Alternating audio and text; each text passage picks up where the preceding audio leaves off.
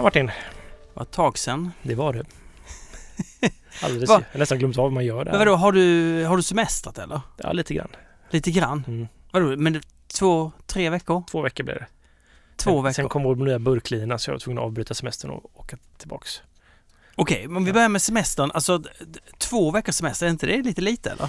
Jo, men jag hade en veckas semester tidigare i våras när jag åkte till landet och fiskade gädda en vecka. Helt för mig själv. Okej, så tre veckor är uppe i Ja, i så ska jag väl ta två till då sen kanske.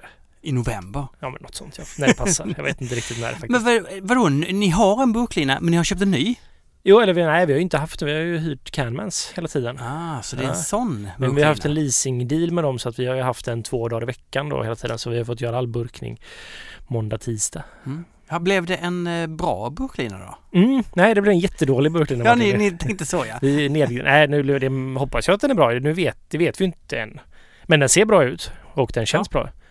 Och den, Vad är det som är bra kost, med... Den kostade bra också. Den kostade bra? Ja. Alltså min mamma brukar säga att är det dyrt så är det bra. Mm. Man hoppas ju det. Men är den up and running? Eh, I stort sett. Så att vi hade commissioning eller installation då förra mm. veckan. Så att det är en italiensk burklina från ja. norra Piemonte. Ja. Regionen där. Så okay. den är, mm, de har jättemycket paketeringstillverkare mm. där. I och med att de har så mycket mousserande vin och sådär. Nej men, och det, men så att vi hade två italienare på plats förra veckan som uh, hjälpte till att installera den och sådär. Så har vi ju tidigare köpt en avpaletterare som vi då bakar in i den här linan så det blir avpaletterare, etikettering och sen in i burkfyllaren då. Och har ni kört, kört den någon gång? Ja, vi testade med produkt förra veckan bara för att se så att allting ja. stämmer och sådär. Mm. De olika hastigheterna och de olika storlekarna vi ska köra med den och sådär. Mm. Men vi har inte kört live så här skarpt läge med den.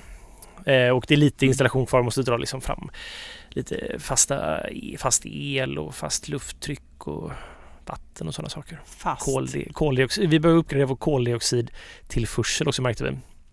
Ja. Flödet var inte tillräckligt snabbt för den här.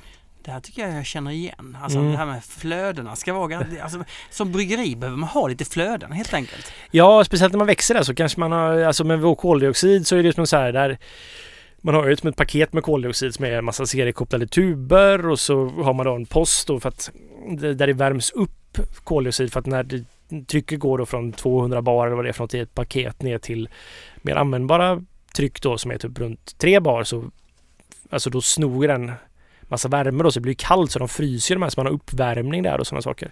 Ah. Men när vi, liksom, när vi startade bryggeriet så, så fick vi en offert då från vår gasleverantör som bara så här Alltså det var ju så jävla mycket pengar för all grejerna och så här och då blev jag lite förbannad så jag gick och köpte en eh, så här regulator för som man ska ha den på barer när man serverar öl liksom. Ja. Så vi har kört med dem i fyra år. Den kostade 2000 istället för typ 75 000. Det har ju funkat fram tills nu men flödet var för lite nu så nu får vi göra en. Så nu måste vi gradera upp. Men har du gjort någon bra öl då? Ja, det tänker jag att jag har gjort. Vadå för något? Alltså, vi har ju den här New IPA men den snack, jag kommer inte, det var så länge sedan vi spelade in nu. Du, jag drack New IPA. Ja. Och den var svingod! Vad gött. Men den mm. smakade ju väldigt mycket New England IPA.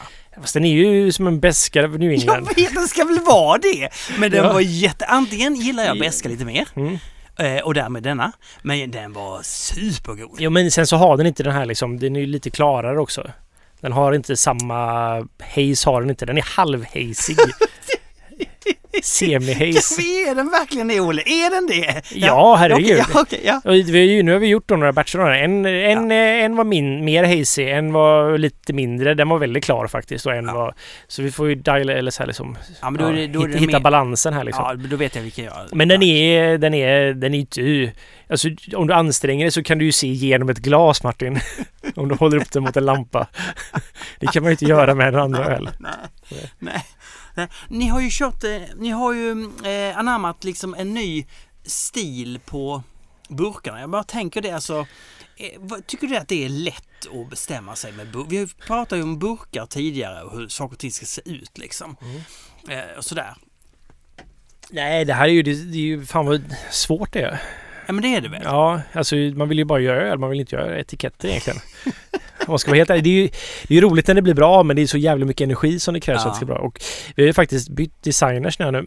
Ja. Eh, så vi har faktiskt anställt en kille som sitter hos oss och jobbar Mm. som ehm, och det, vi, vi, vi kände det att vi har haft en byrå tidigare som jobbat med men de har haft väldigt mycket att göra och samtidigt som det blir som ett så här ja, eh, den senaste tiden så har det varit en alltså i och med att det inte har varit någon krogförsäljning ihop på krogen kan man ju lansera en öl och bara göra någon temporär etikett mer eller mindre. Man ska ha ett namn bara egentligen. Men sen när man måste lansera massa nya öl på Systembolaget och sådär så blir det väldigt viktigt att man snabbt kan jobba fram etiketter med ganska kort varsel. För många av de här ölen är ju som att det kommer ut någonting och så bara oj shit det där kanske vi ska nappa på och så har man en vecka på sig att fixa fram någonting.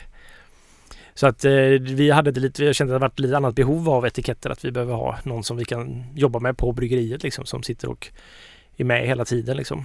Alltså jag vill ju inte vara positiv och så, men jag, jag gillar... jag gillar den här. Det finns både något retro, det finns något lite mekaniskt i de här nya. Ja, alltså, det, vi har ju bytt design ganska ordentligt faktiskt. Ja. Alltså stil på det. Tidigare så har vi ju kört att det har varit konstnärer eller vår designbyrå som gjort ett motiv och så har den fått upp hela etikettens utsida liksom och det har ju funkat väldigt bra. Jag tycker det är väldigt fint. Men vi har också upptäckt ett problem. Det finns mycket, när vi började med det så var vi ganska ensamma om att göra det. Det var inte så vanligt. Men det är idag väldigt, väldigt vanligt. Så man, vår design kanske försvinner lite i mängden på ett sätt. Och samtidigt då så blir det som ett problem att när inte folk, det blir inte så tydligt vad ölen heter. Mm. Så jag, det blev till exempel med, ja, alltså Narangi vet ju alla att det är en orange prick liksom, men de kanske inte vet att den heter Narangi på det sättet. Det märkte vi när ni släppte Mm. eh, juleljus liksom. Och jag fick jättemycket personer som hörde av sig till mig och var så här, jag har köpt den här nu och vad roligt att den släppte på större burk och jag var så här, nej, nej helt annan öl, den råkar bara ha en orange prick på sig. Men var det verkligen en helt annan öl? ja, det var det. Ja, det var det. Jag vill bara se din min när jag sa så. Det- Ja, men, men kan det inte... Alltså jag tänker också att när, man, när, när ni nu tar in en designer ni, som, som sitter och... Det måste ju också vara ett utvecklande arbete. Ja, och så, Jag menar, precis, det, har ju verkligen varit. Och, men, och det, är ju, det har varit lite så här, han kom ju in och han har jobbat mycket med skivbolag och sånt tidigare. Som att han, han har jobbat för Höga Nord till exempel, som är ett av mina favoritskivbolag. Gjort Ja. mycket, i stort sett allting till dem. Mm. Han är också musiker så han har jobbat mycket med liksom, konceptet omsl eller så här, liksom, skivomslag. Och, men, och det var ju, han förstod ju ganska snabbt ungefär vad vi vill ha och vi har utgått nu mer från själva namnet på ölen, att det måste synas på burken för Mm. att så att faktiskt det inte blir då som problem som med Julius och Narangi till Mm. exempel, att man vet Ja. att det här är den här ölen. Så då, det står på etiketten nu vilken öl det är, så vi har liksom arbetat fram någonting där och vi har jobbat rätt mycket med nostalgi och ja, det tog ju några iterationer innan det var som att säga, ja, men nu börjar vi hitta någonting som Mm, känns ändå mm. så här ganska unikt men också vad ska man säga man känner igen det här och det, det som jag gillar med det är också att det känns att det är faktiskt det känns som det är öl.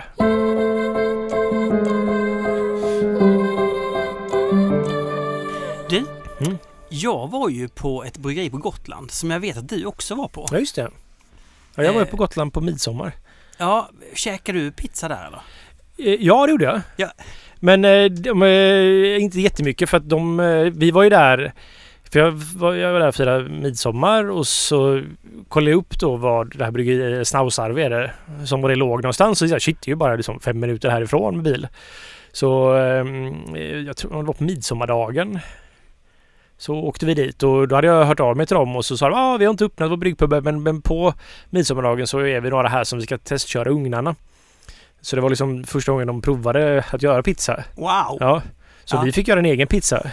Eh, min flickvän råkade göra en eh, calzone av misstag. men... ja men det var, ty- det var svårt det här med knycken. ja, ja, ja. Få upp degen på rätt sätt på den här spaden och Vad grejer. roligt. Ja. Ja, så det blev en calzone. Den blev sådär. Ja, Ja. När, när, när jag var där så hade de verkligen kommit in i svungen alltså.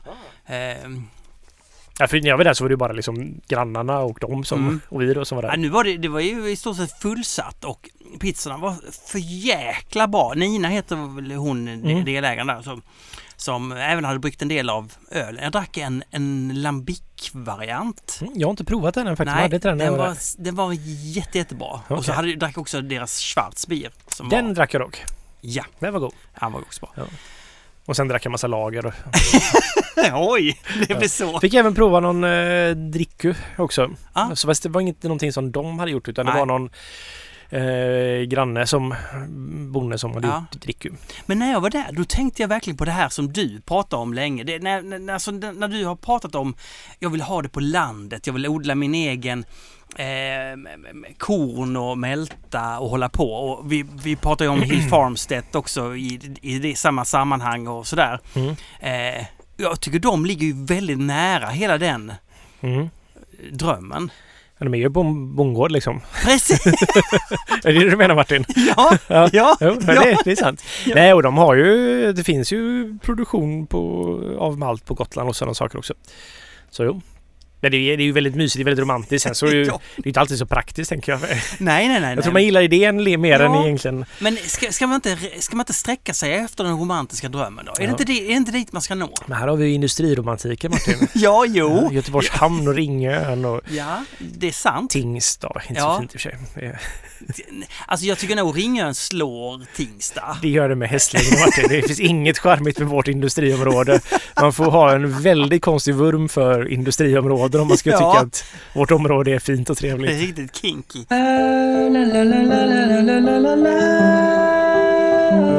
Det, det här med öl som en social dryck. Mm. Det, det här ska vi prata om senare också vid ett annat, vid ett annat tillfälle. Men, men jag har verkligen upptäckt att jag vet vad jag, tro, jag trodde att eh, man kunde umgås. Utan öl, det går Ja. ju inte. Nej, men vad jag menar är att om du går på en fest så Ja. har jag tänkt så här, men man kan ha lika trevligt utan öl. Och det, det, det är klart man kan. Mm. Det är klart man kan. Men det, Det finns ju vin också. Det Nej, finns någonting, ja, det var, det var jätteroligt. Olle. Det finns någonting med alkoholen som gör att, att man, man lösgör vissa grejer, alltså vissa spänningar hos sig själv. Mm. Eh, som gör att den sociala kontakten underlättas. Mm. Du säger ju alltid att man ska vara ute på krogen och träffas och, och, och dricka öl. Ja, Att det är där man, man sitter och snackar och då, då har man en öl och det, att det är... det är ju Det- jättetrevligt. Det är väl det vi snackar om här Och så va? blir det så här, man, man kan prata lite mer från hjärtat och man kan... eh, Och sen så är det ju ibland bara att det blir ett sammanhang liksom för ett samtal. Ja. Och det kan ju behövas. Och ju, man kan gå på café också, det är väl lite samma sak. Men det är ju, dricker man för mycket kaffe så blir man ju bara stissig liksom. Det är mycket bättre att dricka lite mer. Men det jag tänker är att de här IPorna på 6,5 de har Ja. ju ingenting där att göra egentligen. Jag vet inte när man någonsin ska dricka en sån.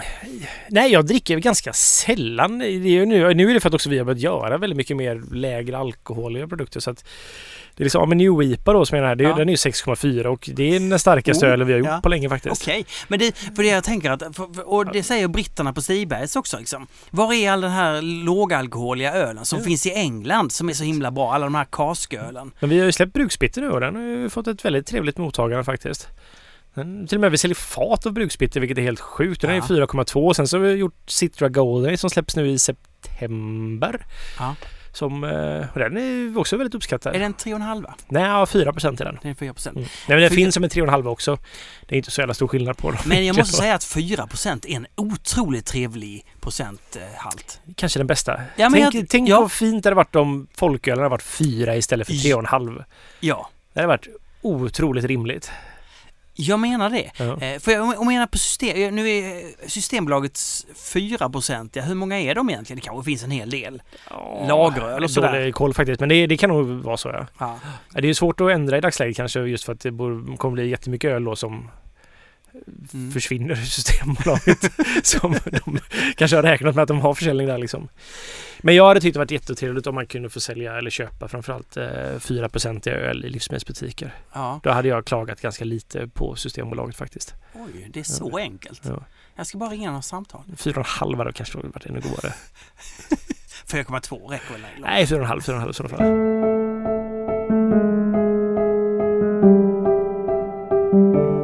Det så att en, du, du har ju ofta sagt att 6,5 på en IPA det är den perfekta procenthalten. Det har du ju sagt. För det är då Ja, det kanske IPA. det. Ja, Det kanske, ja, men det är ju en ganska lagom procent här. Det är ju, just för IPAn är det det alltså. ja, lite så. Liksom där hamnar den, den hamnar i ganska bra balans där mellan Ja. 6 och 7 skulle jag säga. Det är liksom... eh, Om en IPA också ska vara, ha en liten så här att det här gäller speciellt klassiska IPA mer liksom att de vill ha lite mer än vad en friskare så här så ja, då, då är det ganska gött med så att alkoholen får ge lite liksom så här fyllighet istället för att man behöver använda specialmalter och sådär som man får göra kanske i en pale ale mer Mm. när det är lägre alkohol. Ja, men, jag, men jag ska säga dig att bitter, Ja. den som, precis som du pratar om nu, det är den bästa ölstilen. Ja, Den, nej, men därför den kan vara lågalkoholig men du har så mycket smak. Du har karamelligheten, du har beskan, du har, ja, du har ju klart någon maltighet men den är inte besvärande på ett sjukt sätt. Du gillar ju maltighet. Nej men jag håller med, bitter är en fantastisk Och ölstil. färgen. Ja. Och så framförallt så är det oftast gjord på en gäst också som inte har världens den har lite lägre utjäsningsgrad så man får ändå en viss kropp på den och lite sötma och sådär som gör att det hamnar... Vad är det för gäst? Ja, det är ju engelsk jäst helt enkelt. Engelsk Ja, det är, engelsk jäst har traditionellt sett ganska låg utjäsningsgrad. Mm. Så att eh, då får man ju lite mer restsötma i ölen. Mm. Vilket kan vara bra där. Ja, Ja. Fan, skulle vi kunna öppna fönstret Martin? ja okej. Då, öpp- då är det så här, eh, kära vänner, att vi öppnar nu fönstret ut mot älven. Här utanför rinner alltså då Göta älv. Hamninloppet som vi kallar det för. Och man kan nu höra man hör suset, va? man hör staden som ligger här. Centrum ligger precis innan, eh, innanför, eh, så att säga utanför, eh, på andra sidan älven. Eh, Mm. Åh, Ja. vad, skönt det blev. Åh, så skönt. Ja, gillar, gillar du den här nya bron här borta då? Ja, men jag, jag, jag har inte tänkt så mycket på den faktiskt. Pratar alltså om Hisingsbron? Jag har inte åkt över den än, Nej, tror jag. Det, du, du ska åka över den och lyssna på Genvägen hem. Okej. Men den du vet låten jag skrivit? Ja, just det. Ja, Ja. ja. det har jag lyssnat på. In Ja. på Spotify, Martin Permer featuring Susanna Brandin. Mm. Sjunger så jävla bra. Jag skulle vilja göra en platta med henne. Mm. Om det. Göteborg kanske. Men nej, hon ska, spela, den. hon ska spela i det här coola punkbandet Rome is not a town. Hon ska inte sjunga svenska med mig finstämda poplåtar. Nej. Nej. Tråkigt. Nej men jag är kanske, alltså så här Olle. Jag är nog någon av de mest ocoola människorna du känner. Ja. Ja, men så är det bara. Det är bara... Ja, det är ju nästan så att du är så ocool att du blir cool Martin, men bara Ja. nästan.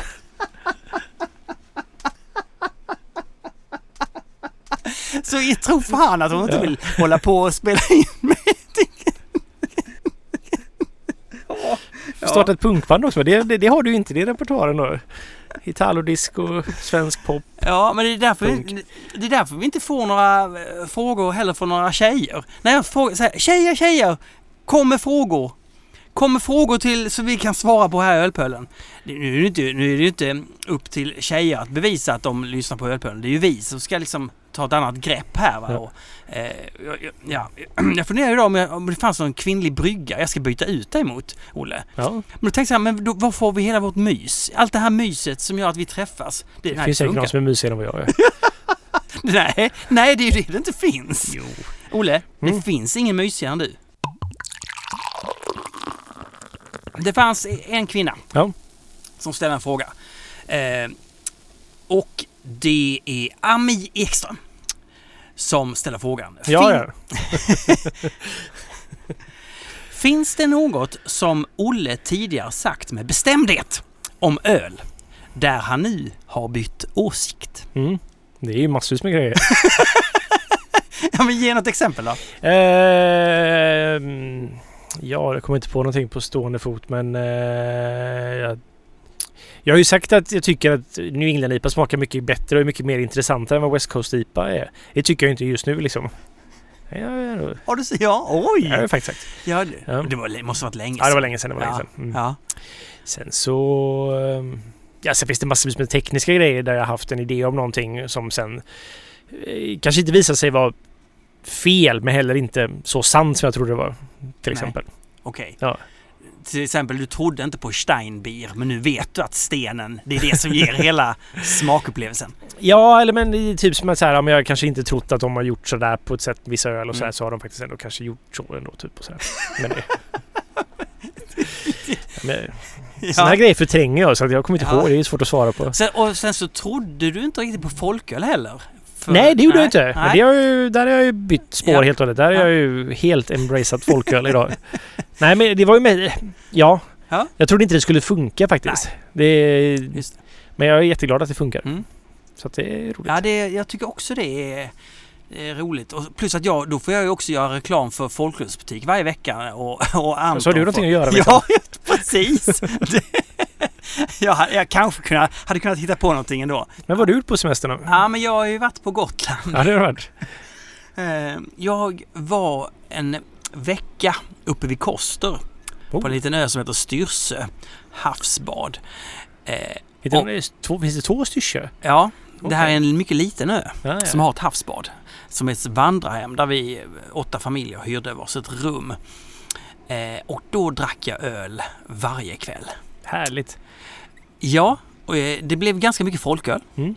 Bra gjort av mig. Så fick jag en Fata Morgana av Björn. Och den var inte så dålig. Nej, den är jättebra. Men så såg jag att det är ju Dugges som brygger den. Ja. Har Dugges själv någon IPA som smakar identiskt med Fata Morgana? Det vet jag inte, tror inte det. Det borde de ju ha. De vet ju hur man gör den. Ja, men jag tror om det jag inte hade blivit så glada då faktiskt. Vadå? Alla, all sån öl smakar ju ungefär likadant. Ja. Ja. Men, vad tror, men hur mycket har Henok gått in hos Dugges? Ska vi fråga hur Dugges egentligen? Eh, gått in och styrt upp så att det blir det receptet.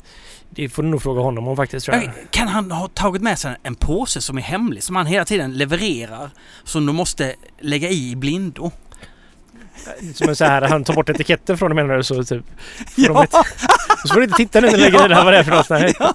Ja, det, kanske, kanske inte. Jagge har någonting att säga, Jagge har någonting att säga, Jagge har någonting att säga, Jagge har någonting att säga nu. Ska vi bada, bada nu? Semesterhjälpen-samtal. Eh, bra ljud är ju A och O och en av de anledningarna till att jag gillar ölpölen så bra, så mycket. För att det är så bra ljud. Jag blir så jäkla störd när man hör någon podd som har, när de or- inte orkar spela in. Alltså, eh, eller de har, de vet inte hur man gör. Så tar de någon jävla mobil eller spelar in direkt i datorn och det låter fruktansvärt illa. Och så får man ont i öronen och... Ja. Nej, men det är så att folk inte riktigt... Alltså, jag vet inte. Det känns som att de inte bryr sig överhuvudtaget. Har, har ni lyssnat på poddar med värdelöst ljud någon gång? Om ni bara lyssnar på ölpölen så är ni ju verkligen bortskämda. Vissa äter också godis eller något skit. Mm. Så här låter det då.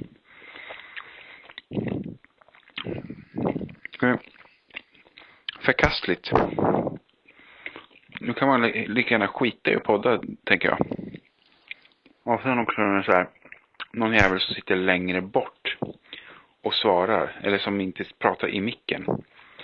Blink, blink, Olle. Eller hur Malin? Ja, det, är- man, alltså det går inte att fånga upp det här, liksom vad du svarar mig nu då. Nej, precis. Nej, skit fan är det då. Nej.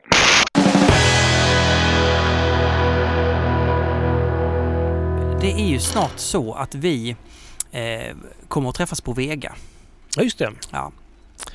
Ja, det är 21 augusti. 21 augusti träffas vi 150-160 Jävlar vad folk. Ja, alla kommer hålla två meters avstånd. Det kommer bli så. Nej, det kommer vara sittande publik så det blir Ja, det. servering och sådär. Ja, men det när... Oj, det är motorcykel. Mm. Cool.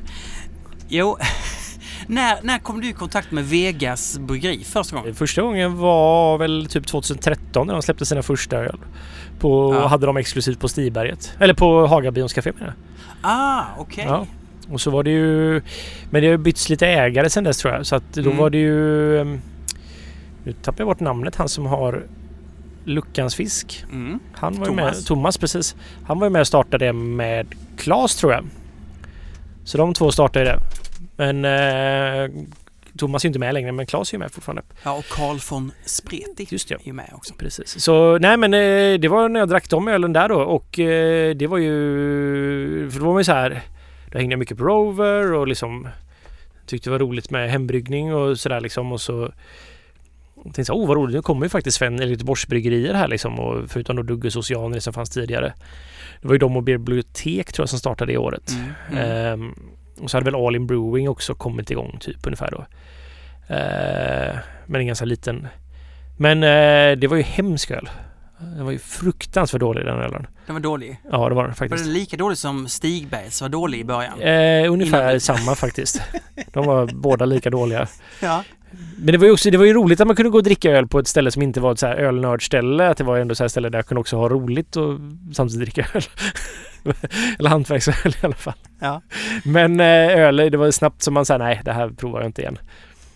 Men Nej, jag, jag provade alla som släpptes liksom. Jag var ju lite mer ticker då också att jag faktiskt ville prova så mycket som som Mm. möjligt och sådär.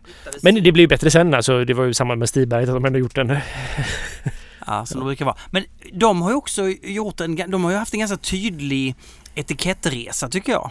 Ja. Eh, de, de, har- de har ju en väldig Göteborg Man- Mania eh, liknande, lite retrostil också. Ja, väldigt, väldigt mycket precis. Ja, Mycket hamnromantik liksom. ja men jag och, tycker den är eh, väldigt tydlig. Ja, den är jättefin. Och ja. ja, men Stiberg hade också det väldigt mycket i början när de Ja. startade faktiskt. Det var ju väldigt mycket liksom sjömanshustrun. Mm. Men typ med mycket med den typen av motiv och sånt Ja, hade ju okej. Stiberg till början också, kommer jag ihåg. Oj, så fint. Ja. ja. Ja men det, det var väl lite mer, det var ju det mer klassisk etikettdesign på den tiden i allmänhet i. Och All In Brewing körde ju väldigt amerikanskt liksom så här som klassiska amerikanska bryggerier från som startade 90-talet såg ut liksom. Mm. Så roligt. Ja, Ja. men, men det, det som jag tänker på Vega mest nu, det är ju deras eh, restaurang. Ja precis. Alltså den, jag, jag, jag tycker den är så cool för den är liksom, den är, den känns så amerikansk i sin stil på något sätt. Det här plåtiga och Ja. lite, jag vet inte, vad ska man beskriva det som? Alltså det är ju ganska kalt liksom för så här Ja.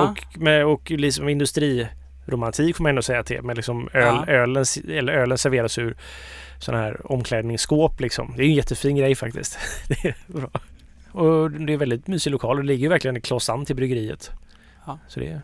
Är du, är du lite nervös? Mm, eh, kommer säkert bli. Jag har inte riktigt hunnit tänka på det så mycket faktiskt. Nej. Nej. Det kändes ju skönt så här. Vi har ju faktiskt provat ölen nu. Som vi gjorde.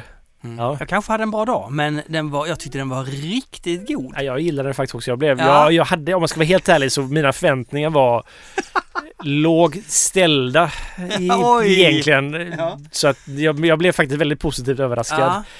Eller jag hade farhågor om att den kanske inte skulle vara så god. Ja. Men nej, han, eh, det var, blev skitbra. Det är, det är väldigt roligt. Roligt att vi skulle rädda Fantoms rykte. Ja, ja, det var roligt att det kunde bli... Ah, det tror jag inte riktigt man kan så, dra det så långt. Det är ju upp, det är han som gjort den här ölen bra också. Nej men jag tycker Ja. kryddorna kommer fram på ett... Eh, kommer fram och inte för mycket och eh, man kände att det blev en intressant eh, kombination faktiskt. Ja, det här var min största farhåga av allt. Att vi släpper en, en tillfällig men eh, omgång öl Mm. eh, som inte är bra liksom. Nej precis. Det var inte jag så nojig för. Eller jag, jag, då är det, eller, jag var ju mest inställd så här, det här kommer vara så där och det kommer vara så och så kommer det vara okej typ med det liksom. Och så får folk tycka vad de vill liksom. Ja. Ja. Det var roligt hur som helst. Du, jag måste ha Ja. mer vatten. Ja, det var gött. Finns det kaffe eller? Eh, Det ordnar vi. Är inte så- masten väldigt långt bak på den segelbåten eller? Du, den är otroligt lång. Kan man ens använda den masten? Jag har ju seglat en vecka i Kroatien nu så nu är jag expert på segelbåtar Martin. Och masten ska inte sitta så långt bak. Nu är det dags för Fredrik att komma in och rädda hela skiten. Hej Fredrik! Hallå eller? Eh, jag. Hur, är- hur är det med dig? Jo men det, det är bra. Du har fått en fin sommarbrunhet. Jag ser det. Ja. Eh, Tycker du det är viktigt? nej det tycker jag inte. Jag köpte en ny så här Brun utan sol. jättedyr grej som man skulle ha i ansiktet för att inte bli solbränd. Men den verkar ju inte fungera liksom. Nej. Du är ganska brun faktiskt. Eller så svettas jag bort allting direkt så att den bara försvinner. Men tycker inte du det är lite snyggt ändå att vara lite brun? Jo men lite brun. Men det får inte bli eh, Björn Ranelid-brun. får Ja, inte ja. bli. Det Men du har ju varit i Finland. Jag har varit finne. Ja. Blir man solbränd där? Ja, men det var jättefint var det. Ja. Jag har faktiskt eh, en present här från Finland. Oh, Jag tycker det börjar bra det här. Ja. Det här. det är bästa avsnittet någonsin. Nej, du skojar med mig! Du skojar! Nej. Och det är då... Finsk gammaldags sötlakrits. Old time licorice. Och så här är en salt Ah, då. det är sjukt. Ja, ja. Där. Men sen det här är det bästa av allt. Och det här undrar jag om ni har ätit någon gång. Det är ju världens tuffaste godis. Ah. Har du druckit det här? Ätit Ja, någon för länge, länge sedan. Jag tror inte jag har provat det här. Tack. Ja, men ni måste Nej. prova. Därför öppnar jag Martins paket så att ni ska prova det. Både sött och salt lakrits plus då... Är det här kärlakrits? Eller vad är det här? Terva lejonar, det är kärpastiller. Den är Kärpastiller. jättemycket. Och där, det är ju liksom världens tuffaste godis. Måste man ändå säga. Alltså vilken kväll det här blir. det är rökö, godit, godisets rököl. Jag tänker att den här skulle kunna, jag skulle vilja att någon gjorde en Imperial Stout med det här i. Mm. Kan det funka? Oj, vad gott. Då kanske till och med jag jobbar gillar godisöl va? En riktig finsk pastry stout. Men Eh, du, vadå, du gillar väl godisöl? Ja men det kan jag absolut göra. Men jag dricker inte så ofta. Nej. Men där hade jag druckit ofta om det fanns. Ja, men alltså då kan man ju undra. Alltså det bästa ölet du har druckit sen sist, drack du det i Finland då eller? Eh, ja, där också. Jag har inte druckit så mycket nytt öl i sommar. Jag har liksom druckit, Ja. Dels har jag druckit öl som jag haft som jag var tvungen att dricka upp. Men, Eh, men jag bryr mig inte om det, om det är nytt. Vad är, nej, det, men, vad är det eh, bästa liksom? Ja, det bästa. Algers White har jag druckit hela, det sa jag nog sist också, men det är det jag har druckit i sommar. jag köpte så många när det väl kom. För jag var rädd att det skulle ta slut och det gjorde det inte. Men du berättar Allagars White. Det är en vitt bir, världens bästa vitt bir, uh, Algers White. Den kom på bolaget för någon månad sedan. Världens bästa Whitby. Ja, jag tycker det. Så klockrent alltså. Det är synd då att stilen liksom har mycket att jobba med. Jag, vet, jag kan inte med, hur bra är världens bästa i en sån stil så att säga? Den är väldigt bra den faktiskt. Ja. Ändå. Jag, drack, jag har bara druckit en faktiskt. Ja. Men jag tyckte... Jag, jag tyckte den var ganska saisonig upplevde den som. Absolut. Ja. Jag börjar fundera på deras gäster. Det har ju gått rykten om att de har en blandad vitt och saisongäst eller liknande. Aha, jag Läst någon gång eller sådär. Jag tror att det var, var det Alex Ek som sa att den smakar som en miniversion av, eh, ah, jag får också tappa namn här, eh, belgiska veteråg, eh, hav, Ja, eh, vet trippel karmelit. Trippel- att det är som en babyversion av trippelkarmelit. Det kanske det är. Den har inte jag druckit på länge den. Den smakar lite åt det hållet. Ja. Ja, jag tycker det är jättegod. Sen har jag druckit eh, eh, äkta pils faktiskt ganska mycket. Oh. Eh, i- så inget så här märkvärdigt. Jag har inte druckit så mycket öl framförallt. Oj, Vad skönt. men eh, jag, jag vet inte hur Vad jag ska ta det här. va? Det är mest för att jag ska bli så här solbränd och snygg. Du börjar på sommarkroppen. Sommarkroppen för sent. I slutet på sommaren. Ja.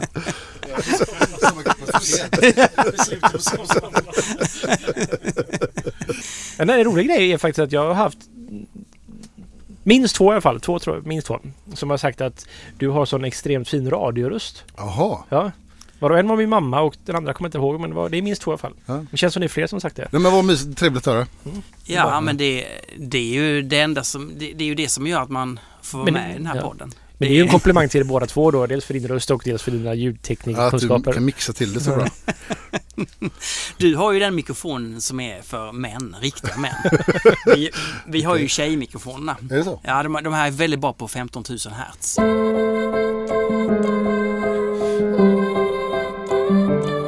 Du Fredrik, eh, Olle sa att han inte är nervös inför vår lilla fest. Hur känner du? Ja, men jag är lite nervös faktiskt. Ja? Ja. För vi har lovat mycket. Ja, precis. Så kommer det hända tillräckligt mycket och sådär har jag tänkt. Ja. Alltså det kommer finnas öl. Ja, det är Vi, sant. vi kommer vara där. Vi är på Vega som är ett supertrevligt ställe. Ja, folk kommer bli lite salong och glada. Ja, men det blir bra. Ja. Det blir bra. lite så. Kanske lite stift i början.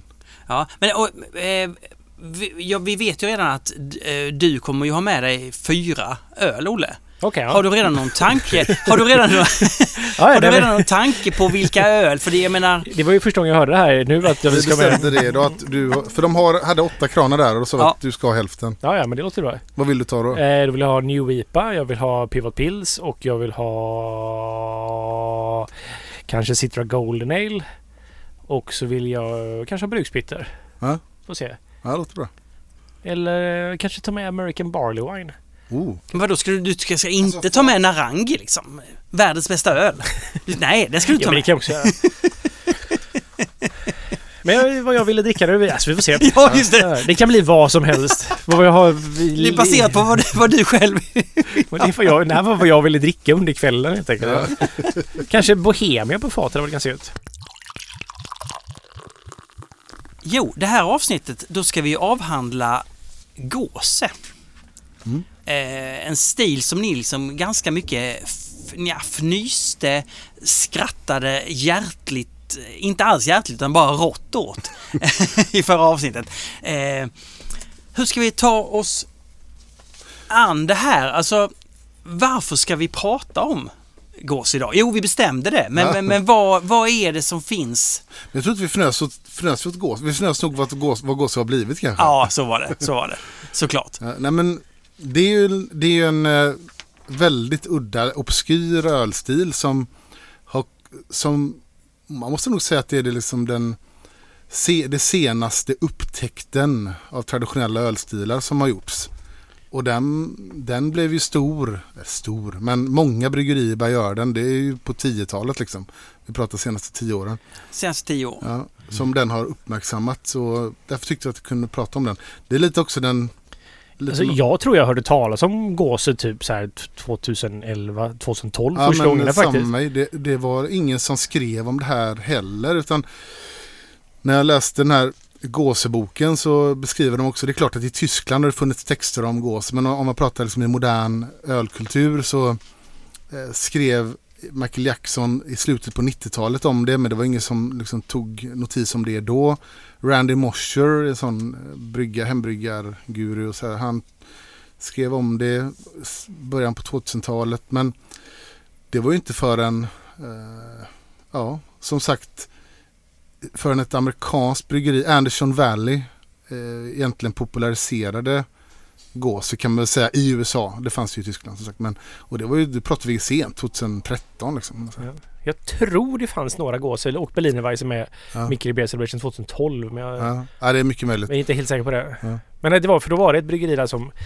Alltså lite bryggeri som var en bryggpub mer som gjorde liksom sådana Ja, ja. gamla stilar. Precis, det, det, och det, i Tyskland har den gjorts eh, sen, eh, ja, den har ju varit död och vaknat Nej men det, här, det var ett amerikanskt. Men Det var ett amerikanskt bryggeri, ja. okej. Men jag, jag, jag vet att Berliner fanns, Berlinerweisse fanns där och att jag tyckte det var jättekonstigt. Och, att, och Mm. så fanns även gåse tror jag, men jag, jag ska inte svära på det. Men om vi då går in på vad gåse är för någonting. Vad är det? Men det är liksom, om man ska ta, vi har ju pratat om Berliner Weisse tidigare, vi har Ja. pratat om Wittbier. Det här är ju lite grann länk, lite blir nästan lite länken mellan Berliner Weisse och en Wittbier. Aha. Det är ett eh, tyskt veteöl. Hög andel eh, mältat vete. Den är jäst eh, med en överjäst och sen även då syrad med laktokultur. Mm. Har koriander och salt i sig. Om vi pratar om den där ursprungliga. Ursprungligen? Då är det ja, ja. korianderfrön också. Ja, Ja. precis. Så att det, det är... Och, och där ligger då liksom släktskapet med Wittbier och eh, Berliner Weisse. Okej, och det är i Tyskland vi befinner oss? Det är Tyskland vi befinner oss, exakt. Ja. Men det är, en- det är en otroligt gammal ölstil om man tittar på så här eh, hur länge den typen av öl har gjorts. Mm. Man vet inte exakt men det finns ju de första texterna som man hittar där det är ju redan 14-1500-tal som man hittat liksom recept och sånt som är liksom någon form av eh, ja, starten av den typen av öl. Sen bör man kalla det här gåse typ på 1700-talet bör de göras i, stor, i större skala i Tyskland. Alltså jag tänker, hade inte Tyskland eh, och, eh, någon typ av renhetslagar? Jo. Som gör att, eh, va, det här verkar ju ändå gå utanför det. Om man har koriander och salt i Ja. så är vi utanför dem. Halshögs alla som gjorde gåse i Tyskland på 1800-talet. Nej, utan det finns faktiskt lite undantag från renhetslagarna. Eh, och det kan man få om man dels är en sen regional specialitet eller lokal specialitet och dessutom är det en ölstil som är definierat som äldre än vad till och med renhetslagarna är. Så att det har Ah. fått ett undantag från, men man får ju söka undantag eh, för att få men jag göra tänker, det. det var ju samma med och det var väl lite kontroversiellt att de, de sket det här med att de var tvungna Ja, men använda, precis. för det var ju korn från början inte, för man inte använda vete ens liksom. Ja, just det. Men då sket de i det. Ja, så att, nej, men de har fått, det har fått lite undantag och ses som en väldigt regional specialitet. Liksom. Ja. Alltså Berliner Weisse, där har vi ju Berlin. Men, men Gåse, har det någon... Var kommer det namnet ifrån? Eh, alltså vi hade ju Göse i förra avsnittet. Är det här den tyska varianten på det eller vad- alltså, hänger det samman eller? Ja, men det, det är en jättedum fråga. För att när man har forskat i det här så, eh, så Michael Jackson när han började skriva om det, han spekulerade lite i kan namnet, och det är flera som har gjort det, ha koppling till gös. Och anledningen att man tänkte det från början, eh, det är att eh, gåse från början var och ända fram till det finns ju så här bryggarböcker i Tyskland från på 1740 då man skrev så här gåse bryggs utan tillsats av jäst. Det är ganska coolt. Så gåse från början när man visste vad jäst var, var spontanjäst fast man tillsatte ingen. Aha. Och det är ju gös likaså. Det är ett veteöl som gös. Det är eh, man hanterade lite likadant på krogen att det kunde, vara, kunde finnas, man kunde servera eh, ung eh, gåse som var, nu pratar vi liksom skillnad mellan ung och gammal kanske bara var veckor. Men ändå att det var en, ett, ett öl som hanterades mycket på krogen som även lambic kunde vara, att man kunde söta lambic till far och sådär. Men, Men, men, gå, men det gåse dracks framförallt mer som färskt än vad ja, absolut. att Så det, är var, inte- det var färskölsvarianten av en gös Ja, men enkelt. precis. Men sen har man, men den teorin har man nog gemensamt eh, slaktat och menar att för Gåse har ju en koppling till staden Goslar i Tyskland som är så här, mitten om man tar, tänker öst-väst och, och lite norr om mitten i höjdled. Och där finns en liten flod som heter Gåse. Så att man tänker att den, Ah. det här öl, ölet eh, kop, har fått sitt namn efter floden Fast man vet samtidigt inte var namnet göse riktigt kommer från heller. Nej, man vet inte. Så det är ändå lite spännande tanke. Och på den tiden när man tänker så här eh, 1500-talet, 1600-talet. Det fanns mycket veteöl i, liksom i Tyskland ner mot Belg, nuvarande Belgien. Som var och sy- syrlig veteöl. Så det finns ju släktskap men som är väldigt svårt idag att liksom För koppla det är ihop. inte några enorma avstånd det här egentligen liksom, i Centraleuropa. Nej, det är ju inte det. Nej, det är klart. Det är klart. Men hur, hur supergammal är den här ölstilen egentligen? Hur, hur långt tillbaka kan man datera den? Hur, vad vet man? Ja, men någonstans, man pratar om 1400-talet som man hittar det man tänker är liksom före det som blev gåse. Men sen brukar man säga att namnet och det som eh, så som man brygger den eh, i modern tid, så pratar vi ändå 1700-tal brukar man säga som de Ja. första kommersiella liksom, exemplen som bör- började komma. Så det är ju en, det är en jättegammal eh, ölstil, även om det funnits lång tid innan det. Då. Eh, det var det var länge, eller var nästan alltid, en lokal specialitet som man gjorde i Gåslar.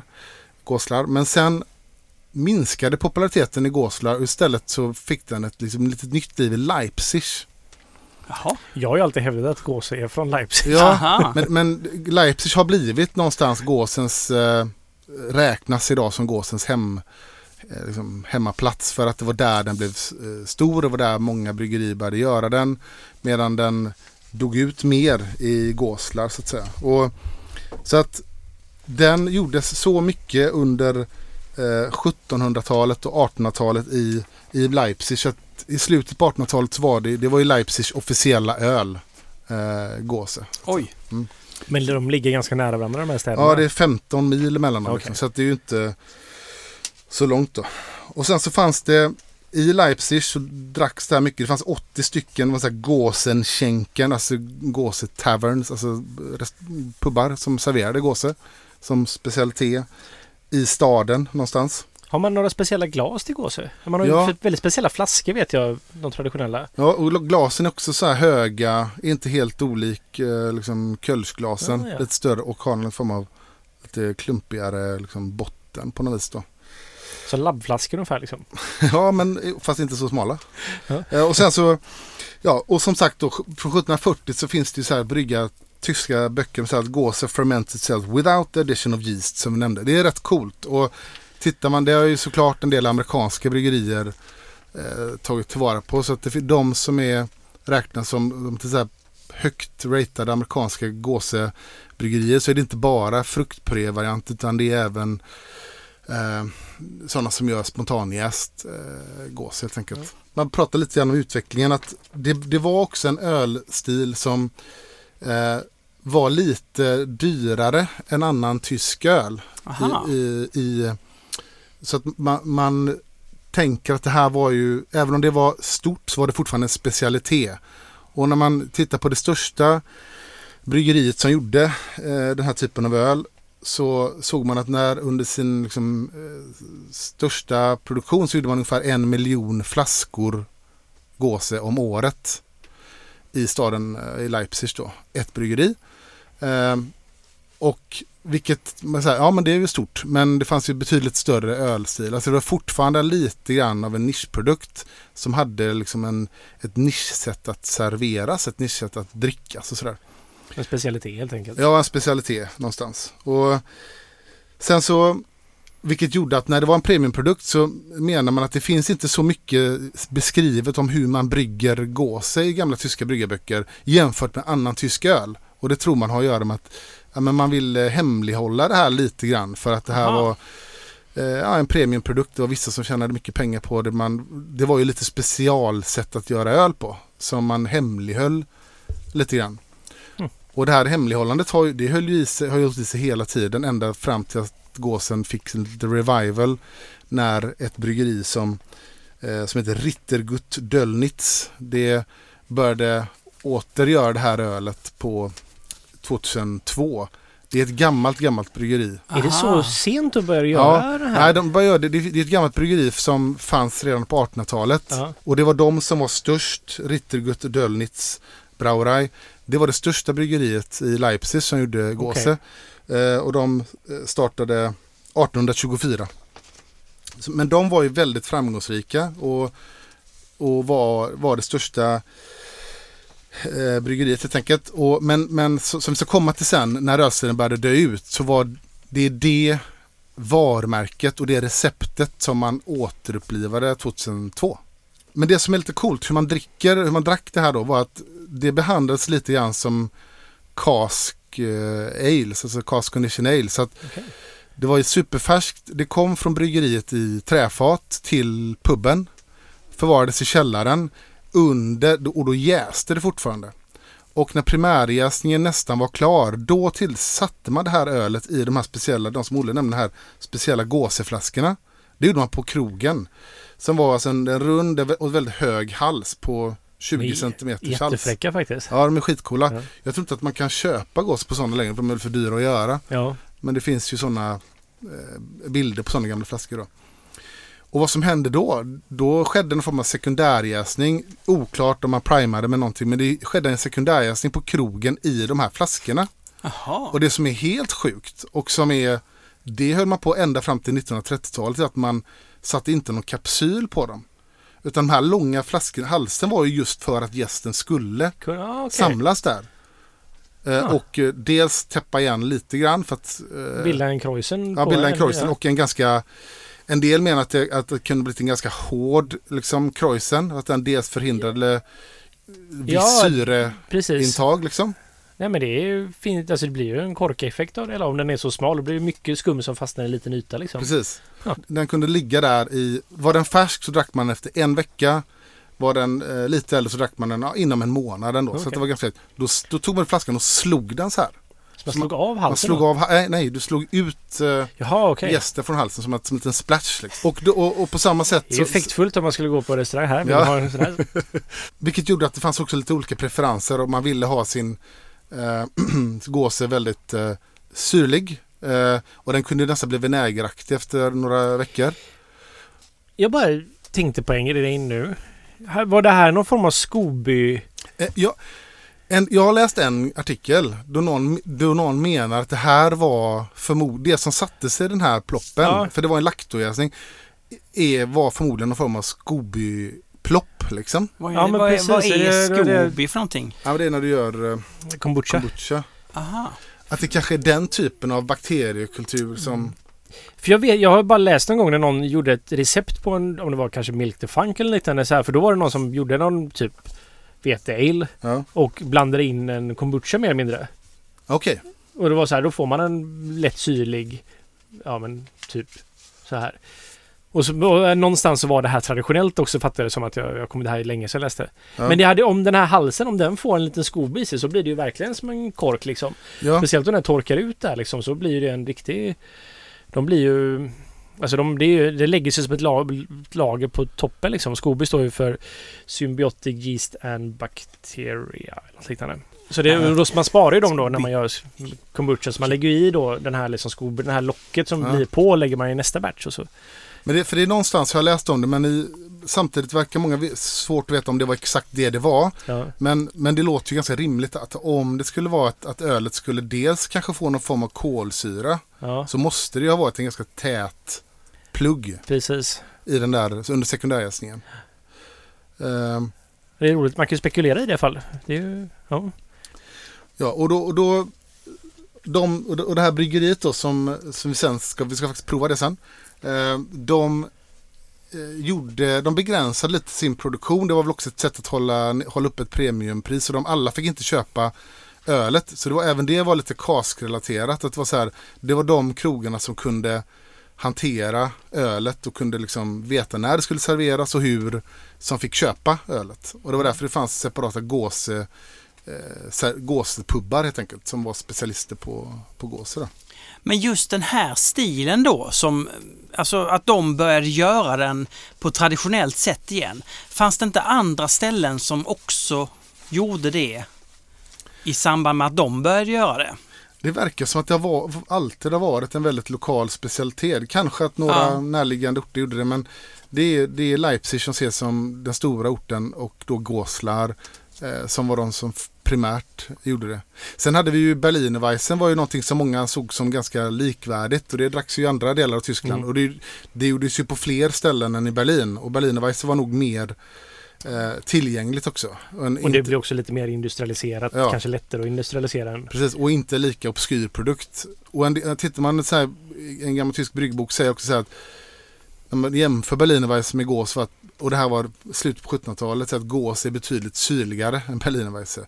Så då fattar man att det kanske var, många år, det kanske skulle vara en jäkligt syrlig öl om man då skedde, också skedde någon form av sekundärjäsning på puben och kunde vänta ett tag innan man serverade den. Då, då skedde det förmodligen någon form av, Ah. kanske att syre, syran ökade liksom. Då är det alltså det här eh, eh, Leipzig-bryggeriet som väckte liv i det. Men hur länge var Gåse dött egentligen? Var det borta från scenen helt och hållet? Det var borta från scenen i, i perioder under 1900-talet. Man brukar säga att gåsen var populär, populär i Leipzig ända fram till eh, början på 1900-talet. Och sen sjönk den tydligt med 1920 fram till 1940 och sen kom, vad kom sen? Andra världskriget. Då var det väldigt många tyska ölstilar som eh, tog stryk och försvann under kriget. Då. Så eh, där eh, försvann även eh, gåsen väldigt tydligt efter 1940. Och då fanns det, det sista bryggeriet som fanns kvar då var Rittergutsbrauerei Döllnitz som vi ska prova strax. Och det, var, det konfiskerades och stängdes 1945. Det var väl när eh, ryssarna eh, kom in i... ja, det Ing, ligger ju- här, här blir det ingen gås i år sa de. Ja, precis. Och sen så fan, var det helt dött då i fem år så var det en, en man som hette Friedrich Wurzel som hade jobbat på eh, det här bryggeriet Rittergutsbrauerei som öppnade ett nytt gåsebryggeri, gjorde gås i liten skala. Han dog också. Det försvann ett antal år så var det ytterligare någon som hade tog upp den här traditionen eh, på 60-talet och sen stängdes det också ner när han dog. Och sen var det dött i 20 år. Och på 80-talet då, då var det en, eh, en krögare som ville starta en sån här klassisk Leipzig gåse pub. Aha. Men problemet var att det fanns ju ingen gåse. Så att eh, vad han gjorde då var att fråga, Låtar Goldhahn hette han. Han ville öpp, återöppna en gammal gåsepub som hette Åne Bedeken. Och eh, han intervjuade gamla personer som hade druckit mycket gå- gåse hur det smakade. Han försökte få tag på recept och hittade till slut gamla recept. Eh, men ingen lokalt, inget lokalt bryggeri var intresserad av att brygga den här obskyra gamla ölstilen då. Men han fick knapp på ett Berlinbryggeri, Schultheis B- Berliner Weissbrauerei. De har pratat om tidigare. Ja, som just ett, det. Så 1985 så gjorde Schultheis ett, eh, eh, ja, en gåse till honom helt enkelt. Som han serverade på sin eh, gåsepub i Leipzig. Efter tre, fyra år så tröttnar väl Schultheis på den lilla volymen att, ha- att ha en kund som köpte ölet. Och eh, då, eh, då la de ner och sen så var det eh, tog det fram till 1999 innan ytterligare ett nytt sånt bryggeri startade Eh, eh, och, och började göra gåse. Men sen hände någonting och det är det vi ska prova nu. Eh, 1999 var det en hembryggare som hette Tilo som läste, hade läst mycket om eh, gåse och hade bryggt, försökt brygga det hemma. Eh, han kom i kontakt med en, eh, ett barnbarn till, till en av ägarna till Ritterguds gåse. Och de två då, det här barnbarnet hade, hade de gamla recepten och ägde också så här, varumärket, rätten till varumärket. Så då, då skrapade de ihop pengar och eh, åter, öppnade på nytt helt enkelt eh, eh, Ritterguds eh, bryggeriet. Och då hade det varit borta sedan andra världskriget typ. Mm. Jag har inte fattat att, de, att det var så nytt. Jag har fått för mig att det var något äldre. bry- Det är ju ett gammalt bryggeri men att det hade varit igång längre än så Ja, faktiskt. det, ja. Ja, det, var, det låg ju nere i 50 år då innan de startade på nytt. Men från 1820-talet är bryggeriet från början. Hur, Och- stor, hur stort är det nu då ungefär? Det går ganska bra för dem. Och, och det är, det här, den här gåsen räknas ju någonstans som eh, ja, benchmark, benchmarket för gåse. Den här Ritterguds helt enkelt. Vad tyckte ni om den? Den är jättegod är den. Ja, den var väldigt god. Den, Den var, funkar ju otroligt bra med sötlakrits. Ja, det. gjorde den verkligen. det var en löjligt bra kombination faktiskt. Men alltså smaken om man, skil, om man jämför med en Berliner Weisse av klassiskt mått. Vad, vad säger ni? Hur mycket, hur mycket? Det här är ju som en intressantare Berliner Weisse på det sättet. Den, Ja. har en, den finns en kryddighet som är väldigt subtil. Mm. Väldigt, väldigt subtil. Men sen så är det den här sältan då liksom att det är ju det, man kan ju inte riktigt påstå att det smakar speciellt salt. Utan det är ju någon så här en fyllighet som ligger kvar efteråt som så här ger en väldigt, tycker jag, trivsam Mm. Så här bara en, en eftersmak av ölen liksom. Man, den känns inte tunn. Nej. Utan den har en ganska mycket fyllighet. Den var 4,7 Mm. och det är, ja. Nej, ja, det här är jättegott. Ja, Jag tycker också det. Det är så här snyggt eh, smaksätt. Som du sa, jag hade, jag hade ju aldrig kunnat plocka att det skulle vara koriander här i. Men det ligger ju någon form av Inte jag heller, men det finns Krydda ju någon liksom, form av som- intressant som händer med... Och sältan är helt perfekt nivå. När, när man säger att det är salt i, ja då känner jag det. Men det är inte, det är inte jätte övertydligt. Nej, hade nog man inte vetat om det så hade man nog inte tänkt på det faktiskt. Att den är salt. Och det är ju, då är det ju bäst liksom. Mm. Nästan alltid. Och det här eh, ölet då i, vanlig ordning togs upp av eh, Shelton Brothers som tog in det i USA. Och det, sen brakade det loss egentligen. Det var då som amerikanska bryggerier började göra den här typen av öl. Har den här funnits representerad på st- Systembolaget någon gång eller? Den har kommit på flera gånger på bolaget som så här eh, tillfälliga släpp. Okej, men inte någon, någon gång i fast eller Jag så tror inte det. Nej. Jag tror inte det. Och det är lite synd för det här det är ju den här typen av ren gås är ju väldigt svår att få tag på idag. Ja, precis. Det. Bräckeriet har, men eh, annars är det inte så många andra. Nej, det har hänt någonting där. Ja, men jag tycker att vi ringer upp Tilo som är en av de två som återstartade det här Rittergudsbryggeriet helt enkelt. Så ställer vi lite frågor om storyn bakom. Okay. Yeah. You want to know uh, something about my personal background?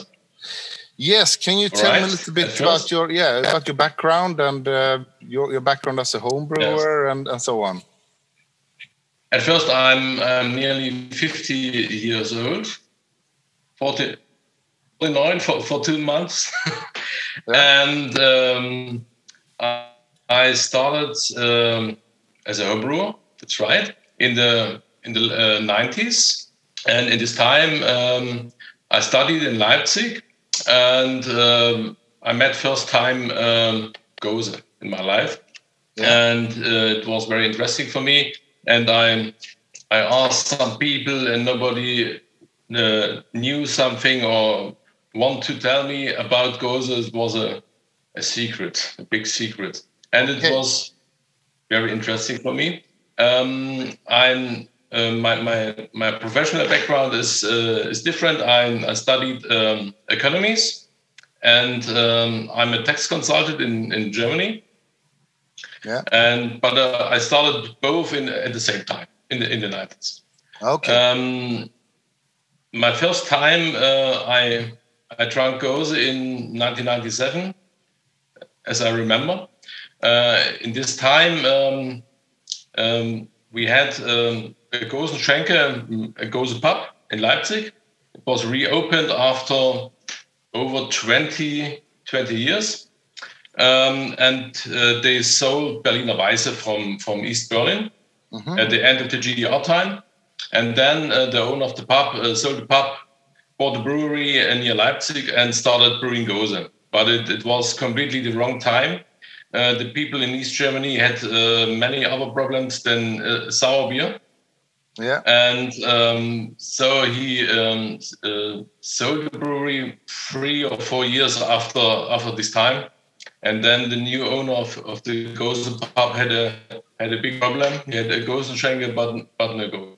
And in this time, uh, I started uh, brewing uh, at first fruit beers with cherries and so on. And then I started trials with with Goza, and I needed over one one and a half year um, to uh, to get um, a Goza that was drinkable, for, even for me. And uh, in this time, by chance, I I, um, I went to the um, to the village where the old brewery um, were in in Dönitz near Leipzig. And there I met uh, the son of the last uh, Gose brewery owner. Uh, in this time, he was nearly 70. Um, and um, I met him uh, and I, I hoped to get the, the last secret informations about Gose. But uh, in this time, uh, I told him uh, what, what I uh, plan and uh, what I do and, and about my trials, but he, he didn't tell me anything. And one uh, or uh, one and a half year later, um, I, w- um, I was uh, on the point that I um, told him um, I'm looking for a small brewery where I can brew my goes after my recipe. And uh, at, in this moment, he, he he said, "Young man, let's do together." Okay. And, and so, so, how, we, so how many uh, at that point? What when did he? Uh, when did he close his brewery, or did he still brew Gotha? No. he, um, at the end of World War II, he was 18. Okay. Um, um, his father was uh, the the owner of the um, of the of the manor of the Dölnitz Manor with brewery and coal mine and many other things. Uh, they had a, a old farm, uh, own uh, malt house, and so on. And after World War II, they were uh, dispossessed by the Russians Yeah, yeah. and went to West Germany uh-huh. and uh, the son uh, went to i think uh, hamburg too uh, afterwards to south america colombia spain and he came back uh, after he was uh, retired Yeah. and wanted to buy back the manor from uh, from the german state after the reunion of germany and in this time we, we met first time um, he, he wanted uh, to to make um, agriculture and I want to brew beer. okay. And he never thought about brewing, but he was very happy that that somebody came and said, hey, "Let's let's do it." And so we uh, we um, opened a, a company yeah. And uh, we revived the old um, brand from uh, 1824. And um, I adapted my recipe to the original recipe uh, of, of uh, Dönitz. But we had uh, to to change some technical things. Uh, it was the, the last brew was in the in the middle of the 40s, and uh, now we we had uh, 50 years later. So it was more more modern in the breweries and so on. Uh, but we we adapted it, and and uh, we get um, at the first dry brew uh, a very good result. It was in September 1999 Yeah. and then we started in a small pub brewery in, in Leipzig.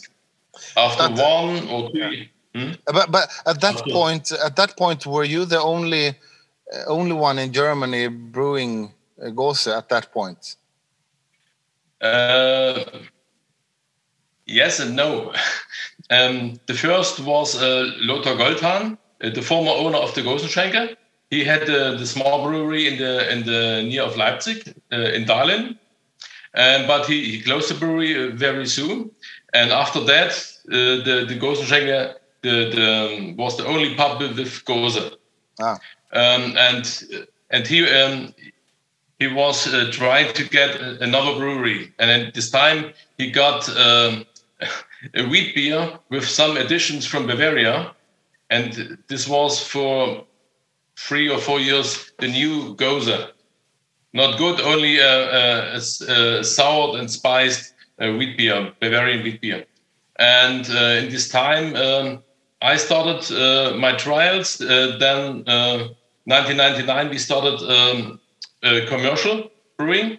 And one year later in Leipzig, uh, Bayerische Bahnhof uh, started um, with the pub brewery. And the owner of Bayerische Bahnhof uh, was the guy from Bavaria that uh, mixed up the wheat beer for the Gosenschenk before. Okay. Uh, and he, he found the, the idea very good and came to Leipzig. And then we started nearly uh, at the same um, time. Okay.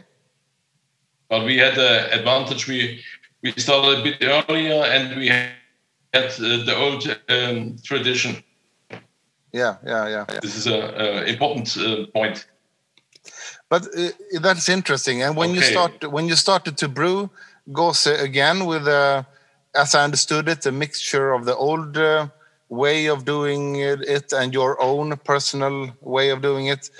Uh, what what would you say is unique on when you produce Gose today in terms of process and ingredients? How would you describe what you do today? Um, today, it's it's not a very big secret uh, uh, about the ingredients of Goza.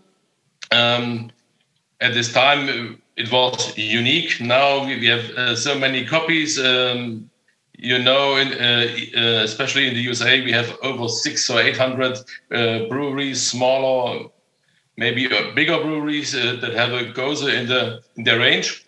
Uh, but um, um, special for for Goza, in my opinion, is uh, the malt mixture, the relation of barley and wheat malt. Um, there's, um, by the way, a difference. Gose, um, the origin of Gose is Goslar, the town of Goslar in Lower Saxony, in the in the Middle Ages. And uh, in Goslar, Gose wa- um, uh, was um, a wheat beer, 100% wheat, and that's why they used um, spruce needles um, to filter this uh, very thick uh, wort, and uh, you get a special aroma from the spruce uh, into the beer. Uh, we use um, a mix of barley and wheat. It's better. Uh, you, you don't need the spruce, and um, we use in addition uh, salt and coriander. And this is an exception of the German purity law. Yeah. And we we have uh, two uh, fermentations: lactic acid fermentation and uh, a top uh, fer- fermentation with yeast. Okay. Uh, by the way, we, we, we have our own uh, old Gose yeast. Uh, I can um, show you um, one thing beside me. Yeah. Um, uh, Gose is, is known for this, this old uh, Gose bottles. Exactly. With This- a long neck. long neck Yeah. Gose bottles. Uh, this was common uh, in, in Leipzig. In, in, the, in the area around, in, in, in Halle, for instance, um, these bottles were, were common. hmm These bottles were closed and these bottles were open. The, the Gose in the state of fermentation uh, came um, uh, with uh, carriages to the Gose pubs in, in Leipzig. Uh, it were um, about 80 Gose pubs um, in, in barrels and they filled it up uh, in the cellar in these uh, uh, Gose bottles in this Yeah. shape. Yeah. And um, afterwards, the yeast collected in the long neck, and it uh, you got a, a clot here on top, Yeah. and yeah. only this clot of yeast and maybe other things closed the bottle. And the, opening uh, procedure was this. Ah, to throw it away. You Yeah. have to, to swap the, the cloth. And in, in, in this bottle, this is the original bottle too from uh, Rittergut uh. Um, it was closed in, in the Yeah. normal way. And uh, I have um, a box of these old uh, bottles from the 40s. And Ah. we sent this uh, not uh, from the beginning, but uh, six or seven years ago to Döment. It's, it's an uh, institute of, uh, for breweries in, in Bavaria.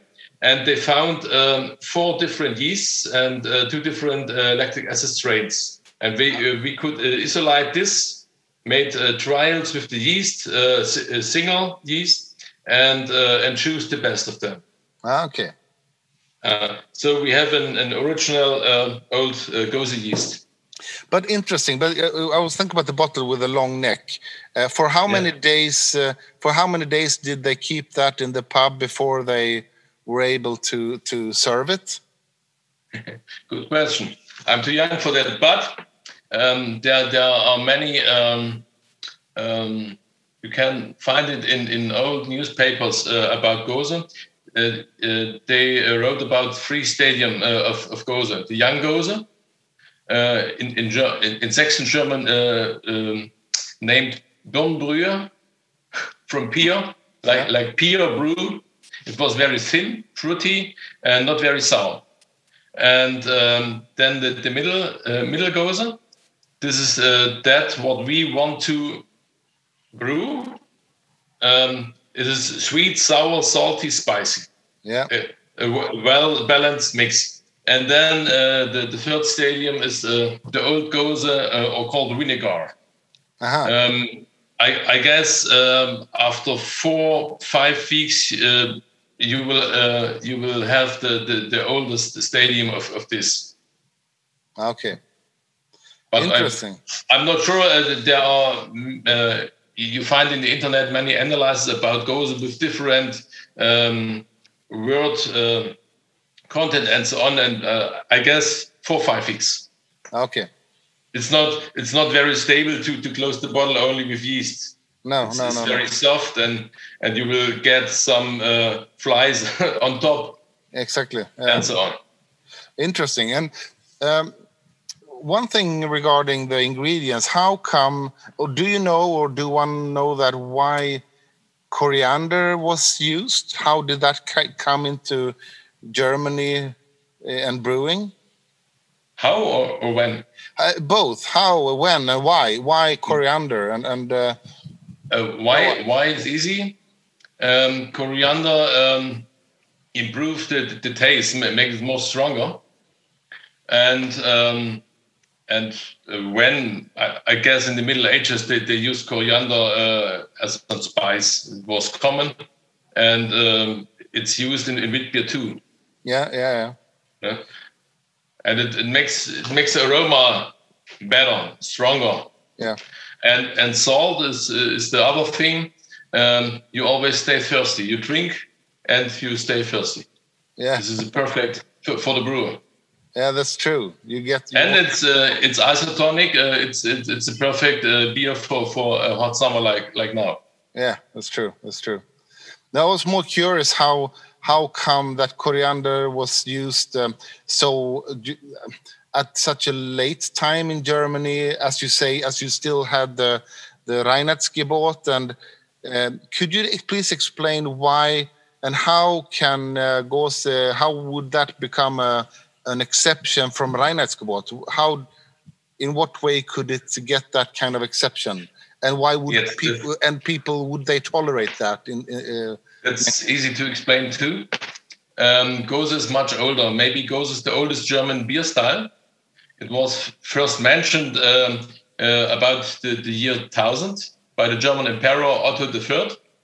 Uh, the oldest um, um, um, the proof of, of, uh, of this is from uh, 1332 it's still uh, existing, and this is older than the than the German POT law. And so we we can get an an exception, a legal exception uh, nowadays, and we have this for all our beers, uh, not only for for the original Goza, uh, um, also for the for the seasonal beers that, that we brew. okay for every single beer we, we needed uh, to, to call it beer. Yeah, but but would people in Germany still today would they be how would I say pro provoked by uh, Gose and that it's not brewed according to German pur- purity law? No, old old old old beer drinkers in Germany would they be would they drink it or would they think that's something strange with Gose or Many people think Gose is strange. Yeah. Gose is strange. Uh, you, you like it or you, you will never drink it again. Uh, and it is a is a niche product. It's, it's a niche beer, and um, I guess uh, under one percent of the of the German beer drinkers uh, are drinking Gose.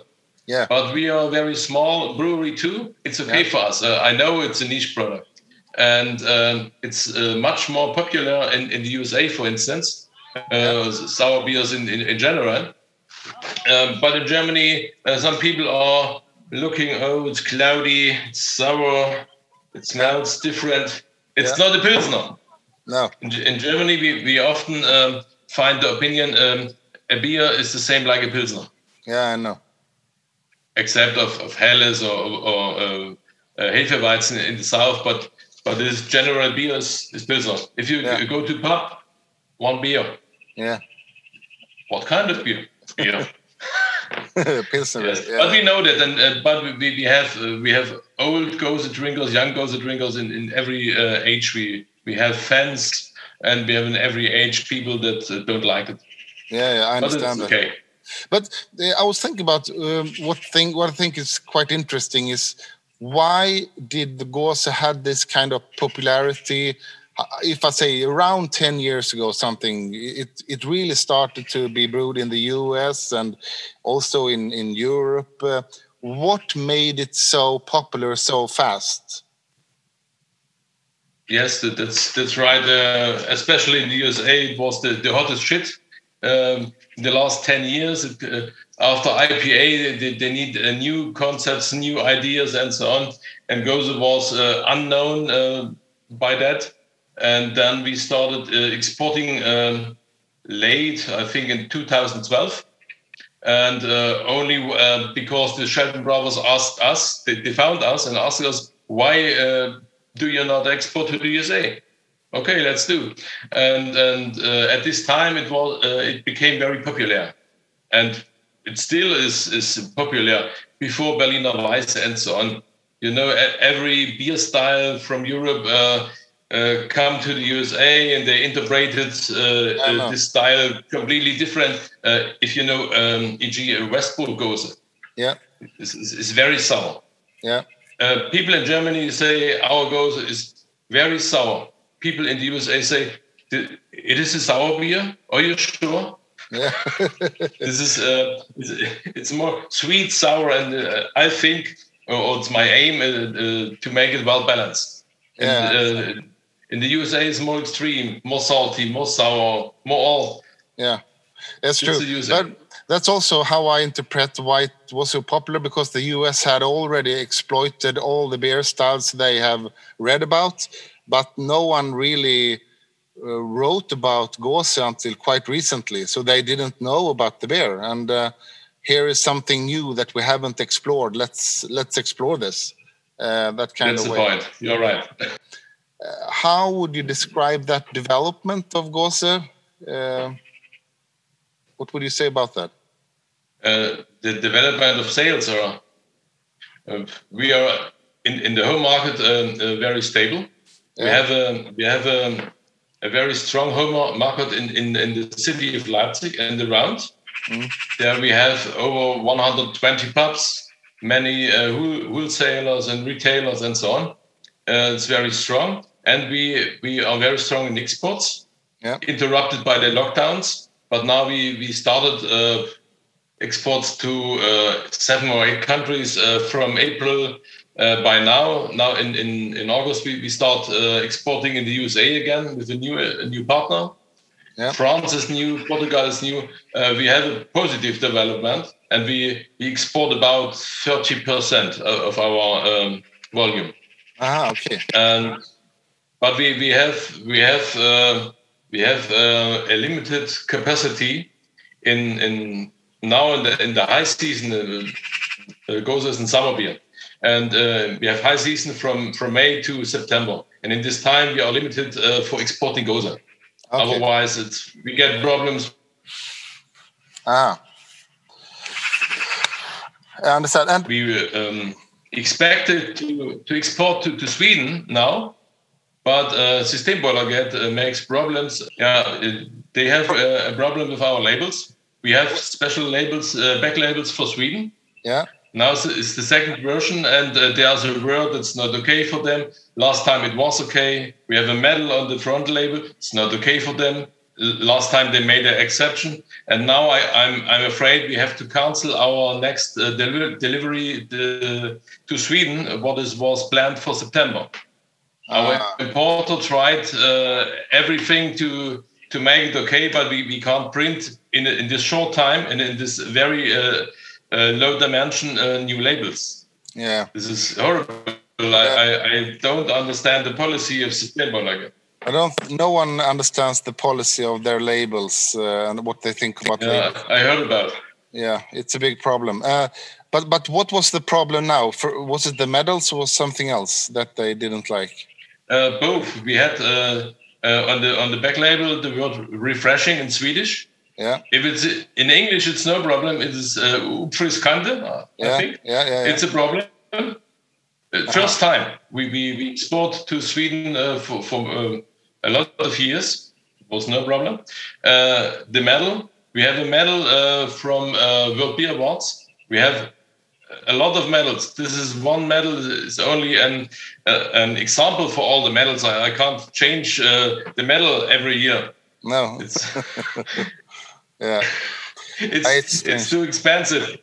Yeah, hopefully it will you will sort it out but uh, yeah it is a big problem with Systembolaget rules um, but if, you just back a little bit around um, the development of Gose and how other brewers interpret Gose today uh, wh- what is your opinion about that? Because I feel that it, the many of the Goses out there are quite far away from uh, if you call your beer the original Gose, it's quite far from that because it's a lot of fruit, it's a lot of other stuff. Gose has turned into something else.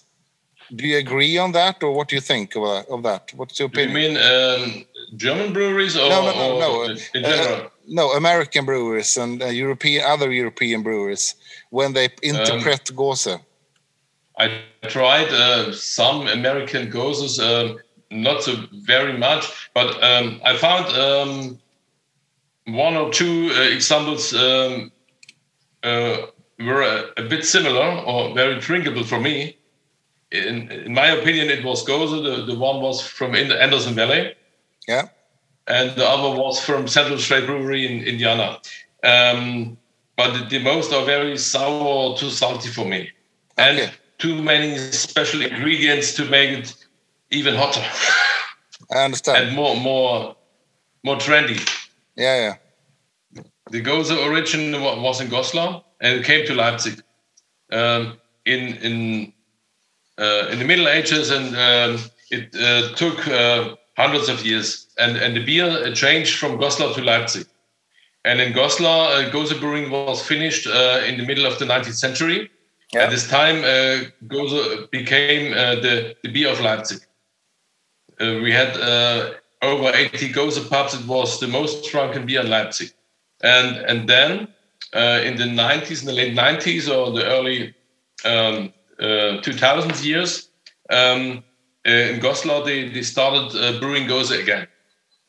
They they want to um, revive this this style there too, but it was different from the Leipzig style. It, it's not uh, sourish, and uh, a new thing is they now they add coriander and salt too.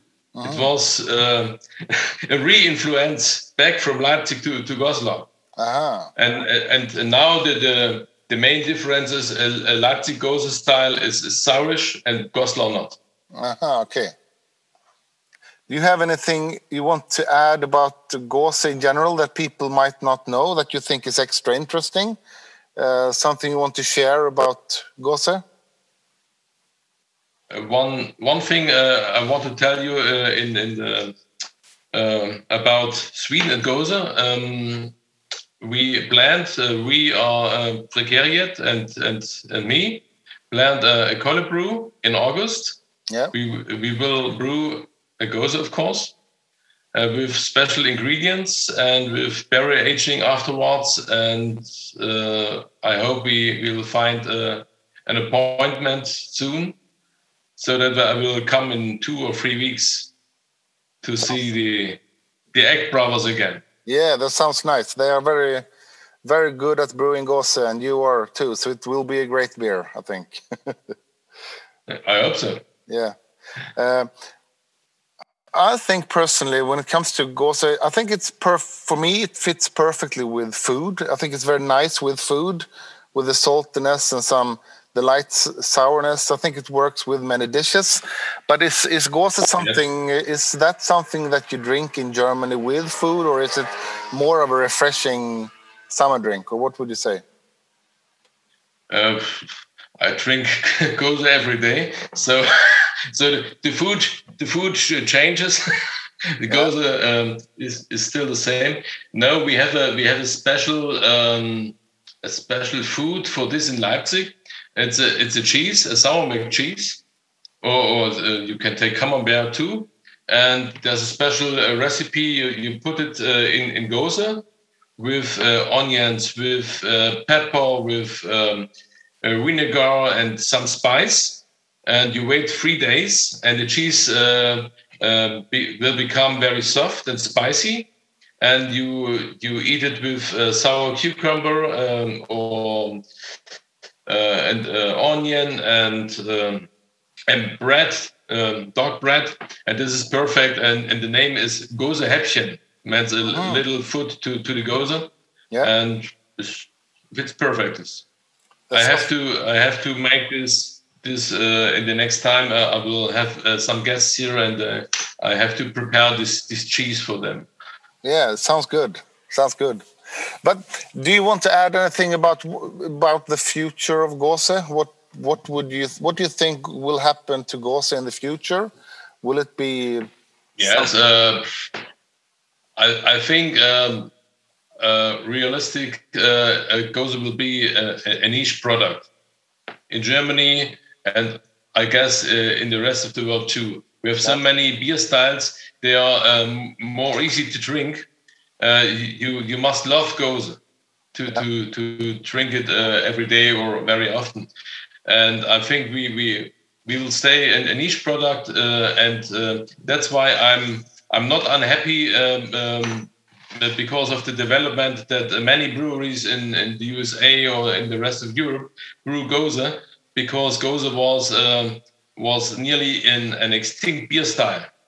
We we helped to revive this uh, old tradition, and we we were happy that we have uh, so long tradition from nearly over 200 years yeah and uh, and uh, when so many breweries uh, are interested in Goza, uh, the style will will survive the next uh, hundred years too. that's true.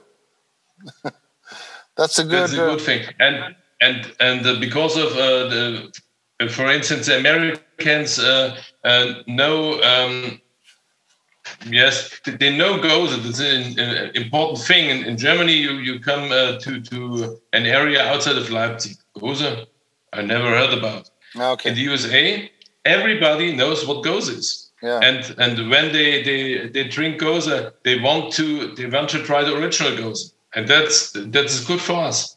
That's not only competition with the American breweries. Uh, it's it's a chance for us uh, to to uh, sell goza in in the USA yeah, that's in true. a wide area. yeah. We hope for a bright future for Gose. I hope so. But thanks a lot for your time. Okay, Yeah. we are ready. Yes, we are ready. Thank you, and you know we say Goziana. bye bye. Bye-bye. Ciao. Men eh, du, du är polare med Tilo, eller hur fick du tag på Jag mejlade Ritterguts Ja, ja. eh, och eh, han och undrade om de kunde vara med på en intervju och han svarade han är ju skittrevlig och som ni hörde att han sa så, kommer de även göra en collab med Bräckeriet snart. Oh, Ja. vad roligt. Ja. Men vad sa han? Hur många bryggerier var det som bryggde eh, gåsen nu? Vad sa han? Tre, sa han upp till 600 bryggerier i USA Ja. som gör gås idag. Så att det är liksom... En tiondel av alla bryggerier i Ja, USA. Så han menar att det, ölstilen har liksom fått fäste och det kommer fortfarande vara en nischprodukt men det kommer ändå leva kvar, tror Mm. han. Liksom. Vad var det där han sa om eh, Gåsianna? Gosianna är typ en skålhälsning. När du säger det i baren så visar det att du är en erfaren gåsedrickare. Gosianna, Och så vill man ha en gåse på sitt bord inom jag tror det. några minuter. Just det. Det får man uppfinna något eget för. Porter Porter. Porter Porter, ja. ja. det är sant. Helena Lind ställer en fråga. Den bästa frågan i världen. Det är intressant med gåse för det är nog den öltyp som jag tror att jag vet minst om. Jag vet att jag hörde talas om den för länge sedan. Om att den här eh, salta ölen dracks i Tyskland under 1900-talet och så. Men att den inte fick att få tag på knappt längre. Men så plötsligt så fanns den överallt och blev hypad och tolkad på jättemånga olika sätt. Och det kändes så otroligt osannolikt att den här sura salta ölen från Tyskland skulle bli liksom vägen in i ölintresset för jättemånga människor runt om i världen och bli en del av att göra öl mer tillgängligt. Men däremot tänker jag att man kan ställa frågan, är det verkligen gåse som vi dricker idag? När vi, vi, vi beställer en gåse på restaurangen. Um, och å andra sidan så kan man ju tänka att det är väl jätteroligt att, att gamla öltyper återuppväcks och, och tolkas på nya sätt av, av bryggare runt om i världen. Och om man skulle dra det ytterligare ett steg längre. Om man tänker sig att den svenska svagdrickan skulle upptäckas av några glada amerikaner eller några glada danskar eller varför inte några glada japaner. Hur tänker ni er att den öltypen, alltså en, en, en eh, basic eh, svensk svagdricka skulle kunna utvecklas? Och eh, vart skulle vi kunna se att den tog vägen eh, om den fick en internationell spridning? Är det alltså verkligen gåse som vi dricker idag? Eh, och då, då pratar hon ju om de här, inte riktigt gåse liksom. ja inte ri- riktigt ursprungliga gåses utan det det som kallas för gåse som har rabarber, vanilj och eh, annat i, Laktos. och laktos och annat i sig. Och 10 procent. Ja, Alltså, Det är nu den konstigaste biten. Hur blir de så starka? Ja, Varför blir de det? Nej. Alltså, jag behöver ju inte vara mer rationär än vad jag uppfattar som. Men så här, jag tänker så här, det, jag tycker också att det är kul att en ölstil utvecklas och det är ju helt naturligt och bör göras så. Jag tänker på IPAN, hur den har utvecklats efter har varit vad den var under i modern tid ganska länge och sådär. Det är helt naturligt och det är bra. Det som var konstigt med gås var att det, bör, det blev som en gång. Alltså Ja. det blev, för att ingen har vetat vad det här var. Eh, och Anderson Valley blev liksom, gjorde gåse ganska så här stort i USA och känt. Men de, vad, hur gjorde de det? De gjorde, först gjorde de den också, en, de gjorde den ren först. Mm. Men väldigt snabbt därpå så började, de- började det bli liksom frukt, eh, fruktgrejen av det. Och det är egentligen inte, fe- det är inte helt fel i sig. Jag kan ju gås- se det i den här ölen för det, skulle, Ja. det funkar ju liksom. och, och, och man menar att det passar med sältan och sådär. Att, att frukt, ty, frukten blir tydligare ihop med sältan och sådär.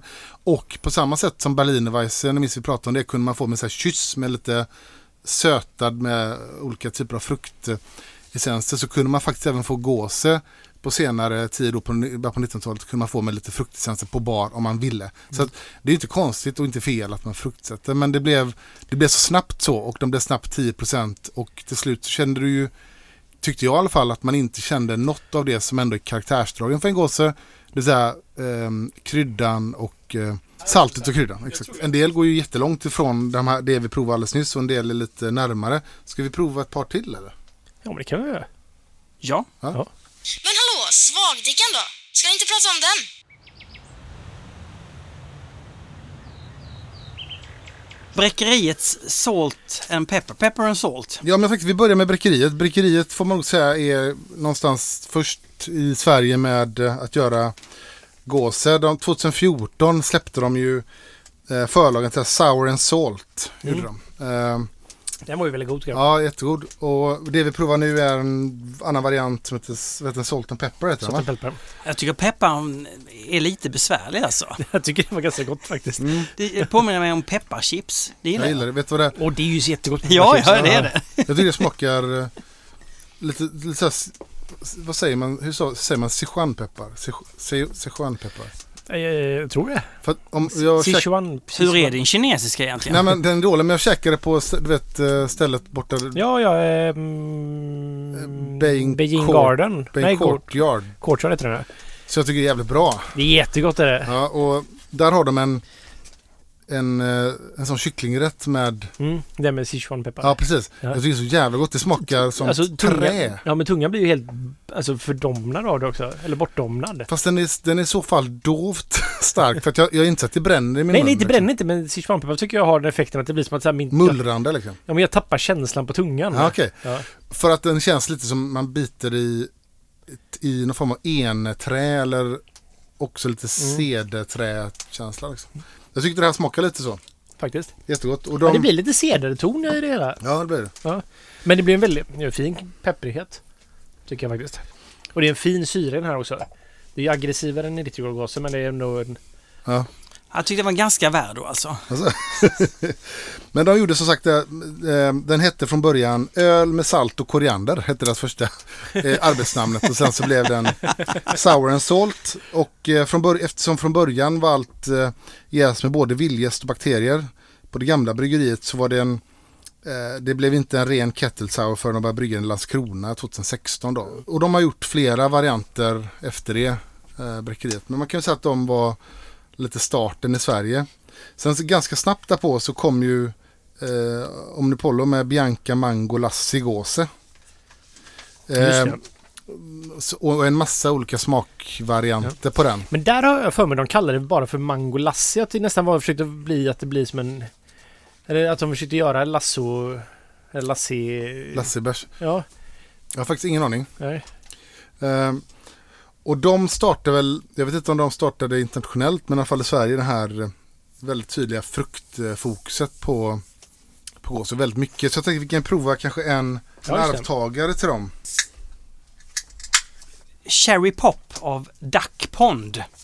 Här... Jag, jag, jag gillar ju artificiella körsbär. Alltså jag tyckte den I här glass var ganska saker. skön. Fick den lite glasskänsla också. Väldigt glassig känsla skulle jag säga. Med vanilj va? Mm, vanilj.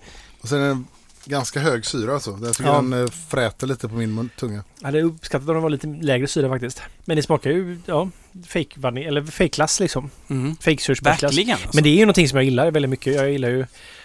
Hittade jag i, var i Kroatien nu, Facebook-glass. Jag, jag såg någon bild på det. Vad var det? Det var ju blå Den glass. var blå. Och den smakade som eh, alltså, eh, bubblegum liksom, den smaken. Mm. Vad nu det är för jävla smak. Det var inte alls gott faktiskt. Men nu hoppar vi ganska snabbt då. Från eh, bräckeriet här 2014 till eh, Duckpond eller makro- mikrofonbryggeriet började väl hette han väl från början och började göra den här typen av öl 2019 typ. Ja. Eh, Men om man backar tillbaka lite grann efter eh, bräckeriet så kom det en del annat tidigt där. Dugges hade en som heter Förgås eh, 2015. Stockholm Brewing gjorde det tidigt. Tempel gjorde Isotonic. Just det. Tempel har alltid jag förknippat, precis som med Ja. bräckeriet. Att de, han jobbade mycket med sältan också. Med, Och de var tidiga med det. Ja. Även Mohawk var tidiga. Anything Goes 2015. Örebro Brygghus 2016. Eh, sen gjorde också Fermenterarna en 2018 som är ganska omtalad. Den här Mm. gås, gåse som kvejkar. Heter det inte så? Något sånt va? Just det, det känner jag igen. Och sen har det egentligen gått åt väldigt mycket åt eh, ja, frukt eh, och starkare liksom. Ja, det är, hur stark är den här till exempel? 8 procent. 8 procent. Nej, men sen stod det att Bruce Omnipollo gjorde väl en gås med, som var 10% med eh, blåbär och Ja, just det, ja. marshmallows. Jävlar vad mycket blåbär den ser ut att ha haft i den. Mm. Ja. Massive amounts of blueberries. Ska vi gå på den amerikanska vi har med oss nu då? Det här tror jag på faktiskt på. Det här tror jag kan vara ganska gott. Det här var um, Cigar City Margarita Gåse. Ja, det, det luktar inte så gott faktiskt om man ska vara helt ärlig. Det, var, Det luktar illa men smakar ju gott. det luktar lite som gammalt gurkvatten tyckte jag. Ja, faktiskt. Åh, gammalt Det var gurkvatten. dammigt också. Ja. Det, ja, men riktigt gammalt gurkvatten som har så här helt och hållet torkat ut. Sen har vi fått en eh, flarra med ett brev. Det är inte, det är inte varje dag. Eh, som trogna följare av Ölpölen sedan starten har vi många gånger tänkt skicka in något av våra brygder ända sedan vi var entusiastiska hembryggare. Men det har inte blivit av. Nu har vi hunnit starta ett litet bryggeri och när vi i senaste avsnittet hörde att det är ett gåsespecial på gång gör vi äntligen slag i saken och skickar in ett av våra öl. Vi tycker att selleri är den perfekta smaksättningen om man vill frångå klassisk gåse. Hoppas att ni också håller med. Rai Rai bryggeri. Raj, raj. Oh. Skåne. Jag tyckte det var gott. Vad surt var det. Jag håller verkligen med om uh, selleri. Alltså selleri. Jag har bara tagit sellerisalt på allt Ja, senaste året. Det är, Det så gott det. jävla gott. Ja, det här, det här tyckte jag var inter- väldigt intressant. det var gott var det. Var det inte lite krusbärskänsla? Jo, väldigt, jag hade typ gissat på krusbär nästan faktiskt. Jag tycker det var jättegott. Med en släng av någon form av limeskal i Mm. liksom. Typ ja, ja, ja, en släng. Ja, men rätt, rätt nivå på kryddningen tycker jag. Det här var faktiskt väldigt gott.